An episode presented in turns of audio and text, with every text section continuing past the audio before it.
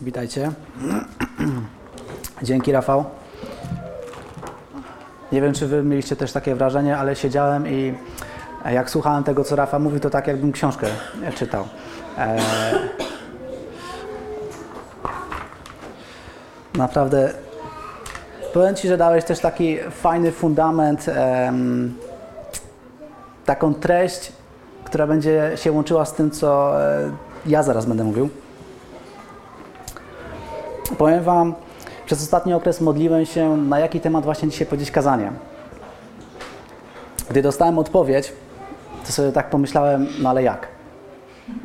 Może inny temat. Chyba nie to. I wiecie co? Tak sobie to porównałem, że tak jak Jonasz próbował uciec do Niniwy, do Tarszyszu okrętem, zamiast iść właśnie do Niniwy, tak właśnie moje myśli początkowo nieudolnie starały się uciec od tego tematu. Jonasz wylądował w Niniwie, a my dzisiaj poruszymy temat przebaczenia. Temat nie jest łatwy. Nie jest łatwy dlatego, bo dotyka tego, co dla każdego z nas jest najcenniejsze, najbliższe, najdroższe. Dotyka naszego serca. I to nie tak powierzchownie, jakbyśmy chcieli, ale może nawet dotknąć tych najdalej schowanych zakamarków w naszym sercu. I na wstępie zadajmy sobie takie dwa pytania. Czy stać mnie na przebaczenie komuś, kto wyrządził mi krzywdę? Czy jestem gotów, gotowa odpuścić osobie, która mnie zraniła? To nie są łatwe pytania. Wszyscy znamy fragment Ewangelii, w którym Piotr przyszedł do Jezusa i zapytał go: Panie, ile razy mam odpuścić bratu mamę, bratu memu, jeżeli przeciwko mnie zgrzeszy? Czy aż do siedmiu razy? Ewangelia Mateusza, 18 rozdział, 21 werset. Chciałbym, aby ta historia właśnie z tej Ewangelii była dla nas fundamentem rozważania dzisiejszego. Nie będziemy jej całej czytać, ale miejmy otwarte Biblię i śledźmy ten tekst. Czyli tekst z Ewangelii Mateusza, 18 rozdziału, wersety od 21 do 35. I jak na nie spojrzymy, to wszystko zaczyna się takimi słowami. Wtedy przystąpił Piotr. Kolejna myśl. Wtedy, czyli kiedy? Znajdźmy kontekst tego pytania, które zadał Piotr Jezusowi. Musimy się cofnąć do końcówki rozdziału 17 i początku 18. Tam mamy informację, że wszystko dzieje się w Galilei, dokładnie w mieście Kafarnaum. Jest tam rozmowa Jezusa z Piotrem na temat zapłaty podatku świątynnego. Poborcy podatkowi podeszli do Piotra i zapytali się go, czy Jezus uiści opłatę. Jezus stara się to wytłumaczyć Piotrowi, by dać przykład innym osobom, aby nie gorszyć ich i aby nie wywołać skandalu wśród Żydów. I właśnie w tym momencie, podczas tej rozmowy, przychodzą do nich inni uczniowie, do Jezusa i Piotra, i zadają Jezusowi konkretne pytanie: Kto jest największy w królestwie niebios? Kto jest największy w królestwie niebios? Tak zaczyna się 18 rozdział Ewangelii Mateusza. Jezus przywołał, przywołał małe dziecko i zaczął im odpowiadać na to pytanie, a kończy finalnie tą rozmowę ostatnim wersetem 18 rozdziału, czyli właśnie naszą historią o złym słudze. Cała odpowiedź Jezusa dotyczy sposobów zachowywania się i tego, jak powinna wyglądać relacja między ludźmi wierzącymi. Cały 18 rozdział o tym mówi. Uczniowie początkowo nie byli idealnym przykładem. Rywalizowali między sobą. Można powiedzieć, że współzawodniczyli o miejsce przy Jezusie, który będzie bliżej, który z nich jest większy, który z nich jest ważniejszy. A jakbyśmy popatrzyli w kilka wersetów wcześniej, to żaden z uczniów nie potrafił pomóc osobie, człowiekowi, który tej pomocy potrzebował. Dopiero gdy przyprowadzili tą osobę do Jezusa, tam był syn, który był e, opętany i e, miał epilepsję. Uczniowie nie potrafili tego go uzdrowić. Dopiero Jezus pokazał im, w jaki sposób to się robi. Dopiero Jezus miał moc, aby, to, aby go uzdrowić i wypędził demona. Oni nie potrafili. Także kontekst pytania Piotra dotyczy relacji między wierzącymi. Tej konkretnej sytuacji najprawdopodobniej chodzi o relacje między właśnie uczniami. Kontekst, kontekst, kontekst pytania o przebaczenie. Piotr, Piotr uważał siebie samego za bardzo miłosiernego. Przebaczyć komuś siedem razy? Słuchajcie, nawet rabi, rabini żydowscy uważali, że przebaczyć komuś trzy razy to jest szczyt miłosierdzia. A Piotr? On podwoił tą liczbę. Nawet dodał jeszcze jeden. Siedem razy. Co mu odpowiedział Jezus?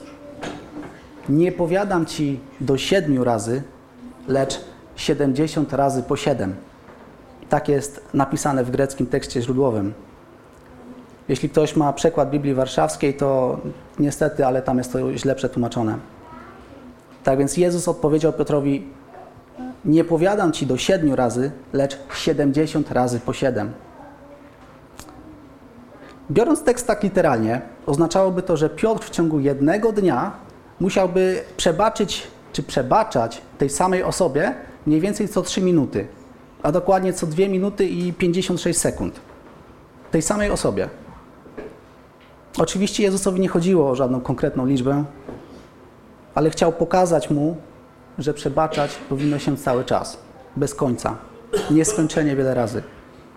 Taką Piotr uzyskał odpowiedź od Jezusa, zresztą nie tylko Piotr, bo wszyscy uczniowie, którzy też tam byli.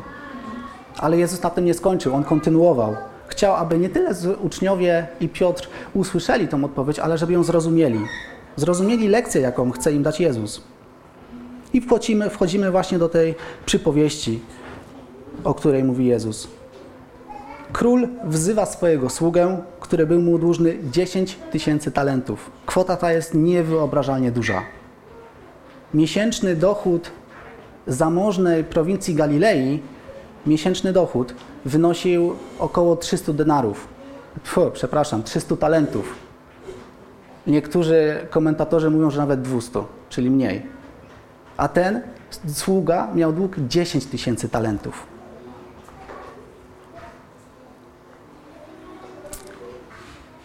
Jakby zebrać y, miesięczny dochód Galilei przez minimum 3 lata, to jest właśnie mniej więcej ta suma 10 tysięcy talentów. Jest to nierealna suma do zarobienia, do zebrania przez jednego człowieka w ciągu całego jego życia. Także gdy sługa usłyszał wyrok od króla, padł na kolana i prosił go o łaskę, o czas na spłacenie długu. Nie był w stanie spłacić tego długu, bo on był za duży. Mimo, że sługa był winny i zasługiwał na, na tą karę, to król zdecydował się go uwolnić. W swoim wielkim akcie miłosierdzia nie tylko go uwolnił, lecz odpuścił mu wyrządzone, wyrządzone przez niego krzywdy. Umorzył cały jego dług. I co czytamy dalej? Wersety 28 do 30. A gdy ów sługa wyszedł, spotkał jednego ze swych współsług, który był mu winien 100 denarów. I pochwyciwszy go, dusił go, mówiąc: Oddaj coś winien. Wtedy współsługa jego, padłszy na kolana, Prosił go mówiąc, okaż mi cierpliwość, a oddam ci wszystko. On jednak nie chciał, lecz odszedł i wtrącił go do więzienia, dopóki nie odda długu. Ten, któremu przed chwilą tak wiele darowano, taki wielki dług, znajduje się dosłownie w takiej samej sytuacji, w jakiej był przed chwilą. Tym razem jednak on ma władzę nad tym współsługą. I jak się zachowuje? zupełnie inaczej niż król w stosunku do niego. Przez tą sytuację widzimy, że darowanie ogromnego długu przez króla nie zmieniło serca tego sługi, ułaskawionego sługi. Ponadto, gdy król usłyszał, co się wydarzyło, przywołał tego sługę do siebie i nazwał go sługo zły. Ostatecznie wtrącił do więzienia, dopóki nie odda tego całego długu. Czyli wtrącił go do więzienia na całe jego życie. Jezus próbuje pomóc Piotrowi zrozumieć, że gdy ktoś ciągle nas rani, może to wywołać gniew. Ale gniew nie jest odpowiednią reakcją, jaka ma charakteryzować ucznia Jezusa. Mamy cały czas pamiętać, jakimi byliśmy wobec naszego Boga.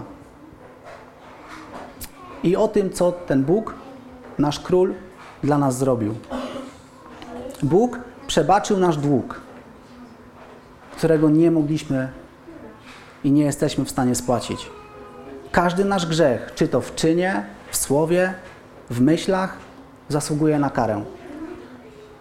A karą za każdy grzech jest śmierć.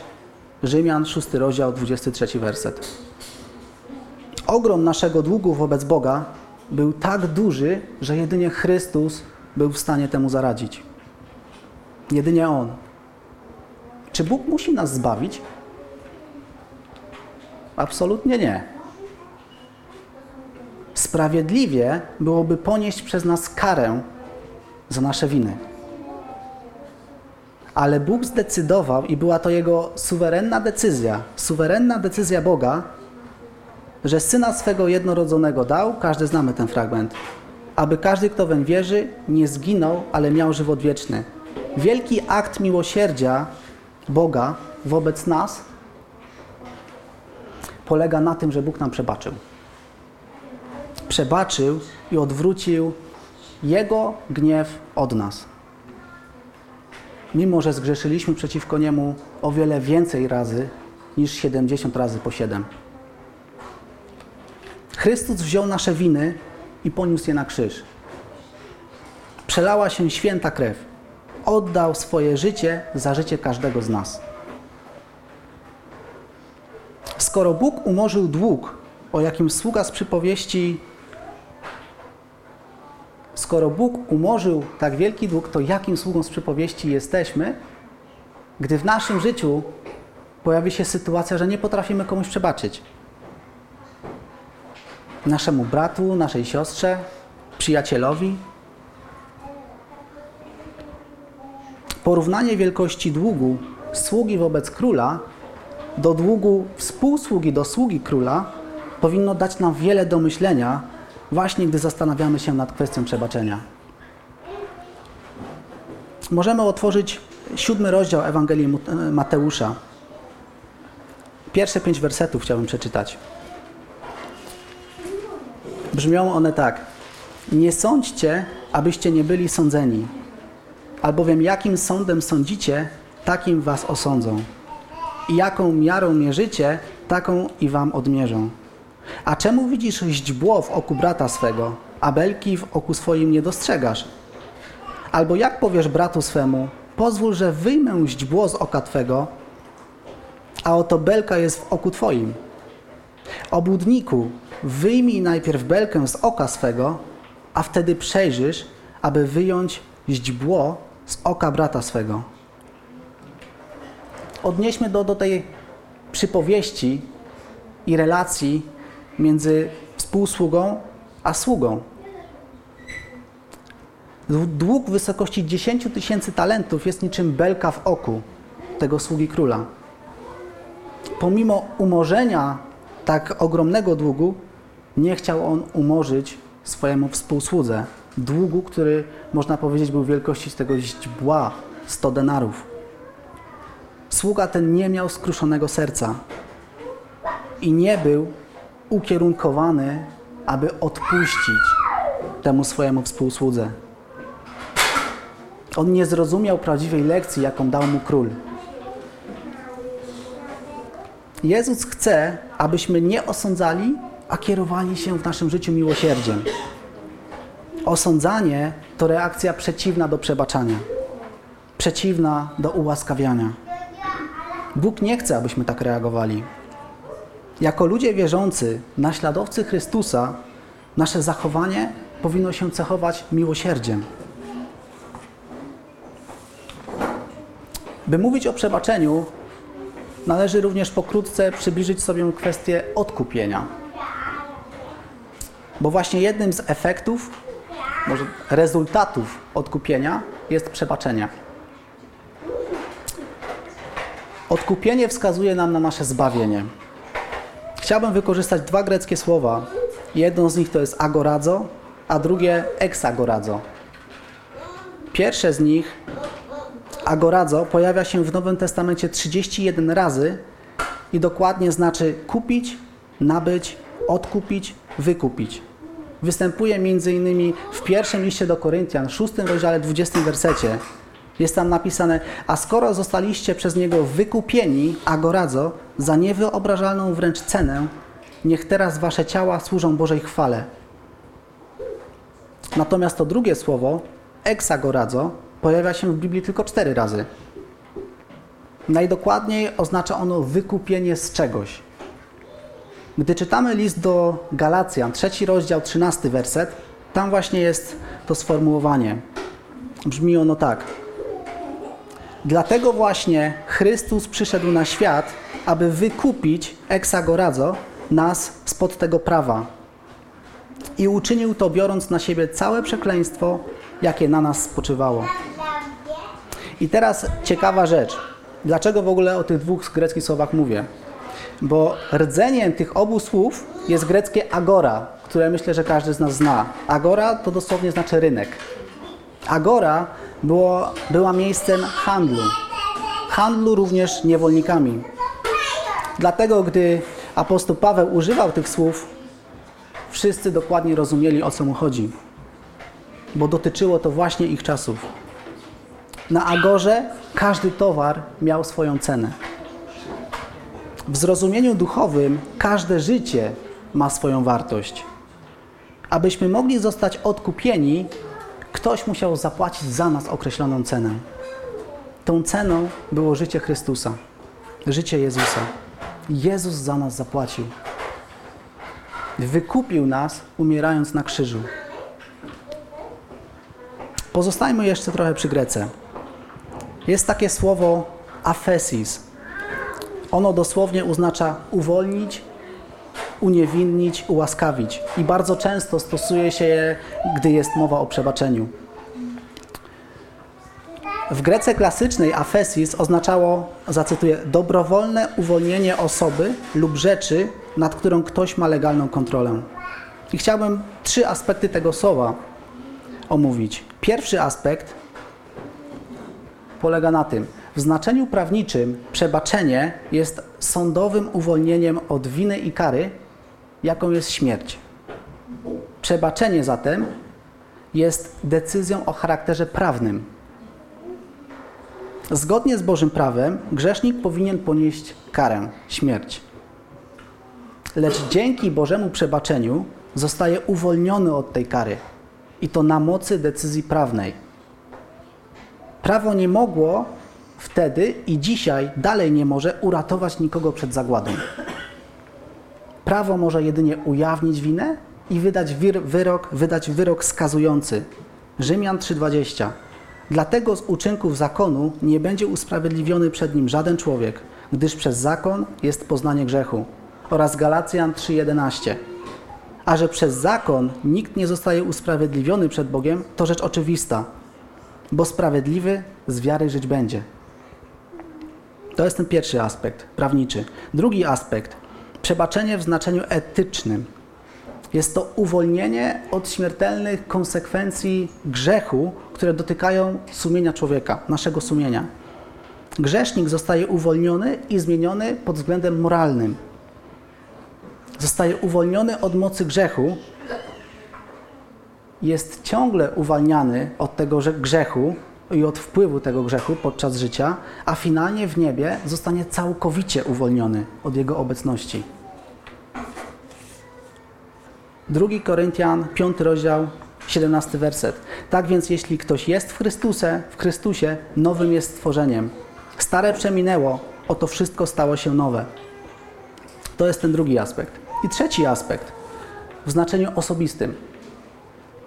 Przebaczenie w znaczeniu osobistym jest zatrzymaniem Bożego gniewu, który jest skierowany na grzesznika. W Starym Testamencie pokazuje to obraz kozła ofiarnego. Jest on zapisany w trzeciej księdze Mojżeszowej w 16 rozdziale. Podczas święta Jom Kippur, w dniu pojednania, arcykapłan brał dwa kozły, nieskazitelne kozły, bez żadnej skazy. Jednego z nich zabijał i jego krwią skrapiał ołtarz, przebłagalnie. A na drugim koźle kładł swoje ręce, wyznawał grzechy całego ludu, a następnie wypędzał tego kozła na pustynię. Oczywiście taki obrzędek nie miał prawa zgładzić grzechów. Nie był on oczywiście doskonałą ofiarą za te grzechy, ale był symbolem Bożego planu zbawienia, który miał się wypełnić i jak wiemy, wypełnił przez Chrystusa Jezusa. Pozostając przy Starym Testamencie, język hebrajski. Język hebrajski również posiada słowo, które oznacza przebaczać. Jest to czasownik salach. Ciekawostką jest, że 46 przypadków użycia tego słowa mówi wyłącznie o Bożym przebaczeniu w stosunku do człowieka. Nigdy o przebaczeniu w relacji człowiek-człowiek. Prawie połowa z nich, tych użyć, znajduje się w księgach kapłańskiej i liczb. One kładą najsilniejszy nacisk na prawo i związane z nim składanie ofiar. Każdy zna tą sytuację, gdy jak Mojżesz był na górze Synaj, czekał na tablicę, co się stało pod tą górą, co zrobił Izrael, co zrobił lud. Właśnie tam jest pierwszy moment, gdzie jest użyte to słowo. Tam, gdzie Izrael zgrzeszył pod górą Synaj. Mojżesz modlił się do Boga tymi słowy. Druga Mojżeszowa, 34 rozdział, 9 werset. Panie, jeśli w Twoich oczach znajduję łaskę, pójdź z nami proszę. Wiem, że jesteśmy ludem hardym, o twardym karku, lecz błagam, byś przebaczył salach nam nasze występki i grzechy oraz uczynił nas częścią swojego dziedzictwa. W prawie mojżeszowym ofiara za grzech była prorocką zapowiedzią ofiary Chrystusa. To, o czym przed chwilą powiedzieliśmy. 2 Koryntian, 5 rozdział, 21 werset. Od tego, który nie poznał grzechu, za nas uczynił grzechem, abyśmy my w nim stali się sprawiedliwością Bożą. I powoli już zbliżając się do końca, co może, co może nieść za sobą brak przebaczenia? Brak przebaczenia utrudnia społeczność z Bogiem. Ewangelia Mateusza, 6 rozdział, 15 werset. A jeśli nie odpuścicie ludziom, i Ojciec Wasz nie odpuści Wam przewinień Waszych.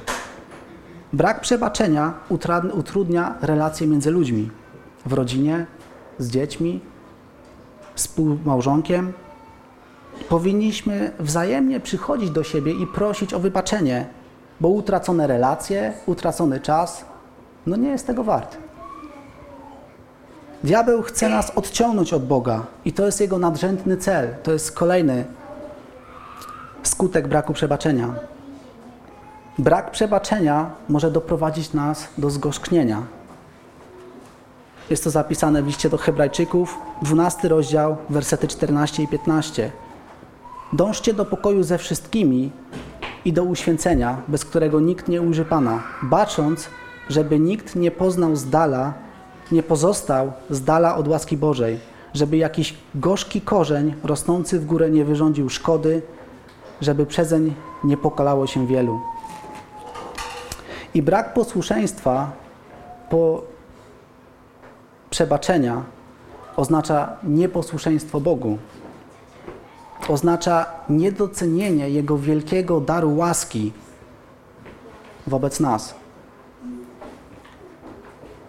Zły sługa w naszej przypowieści został wrzucony do więzienia, a Jezus zakończył tą przypowieść wersetem 35, gdzie napisał, powiedział, my mamy napisane, taki Ojciec mój niebieski uczyni wam, jeśli każdy nie odpuści z serca swego bratu swemu.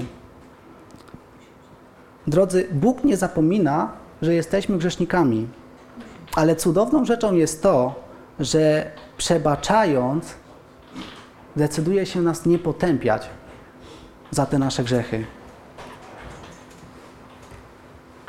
I tak krótko, cztery zdania podsumowania. Pierwsze. Bóg jest suwerenny i nie musiał dawać swojego syna, aby za nas umarł, aby nas wykupił z niewoli grzechu. Drugie zdanie. Jako osoby naśladujące Chrystusa musimy pamiętać, że nasz dług wobec Boga jest o wiele, wiele bardziej większy niż jakikolwiek dług człowieka wobec nas tutaj.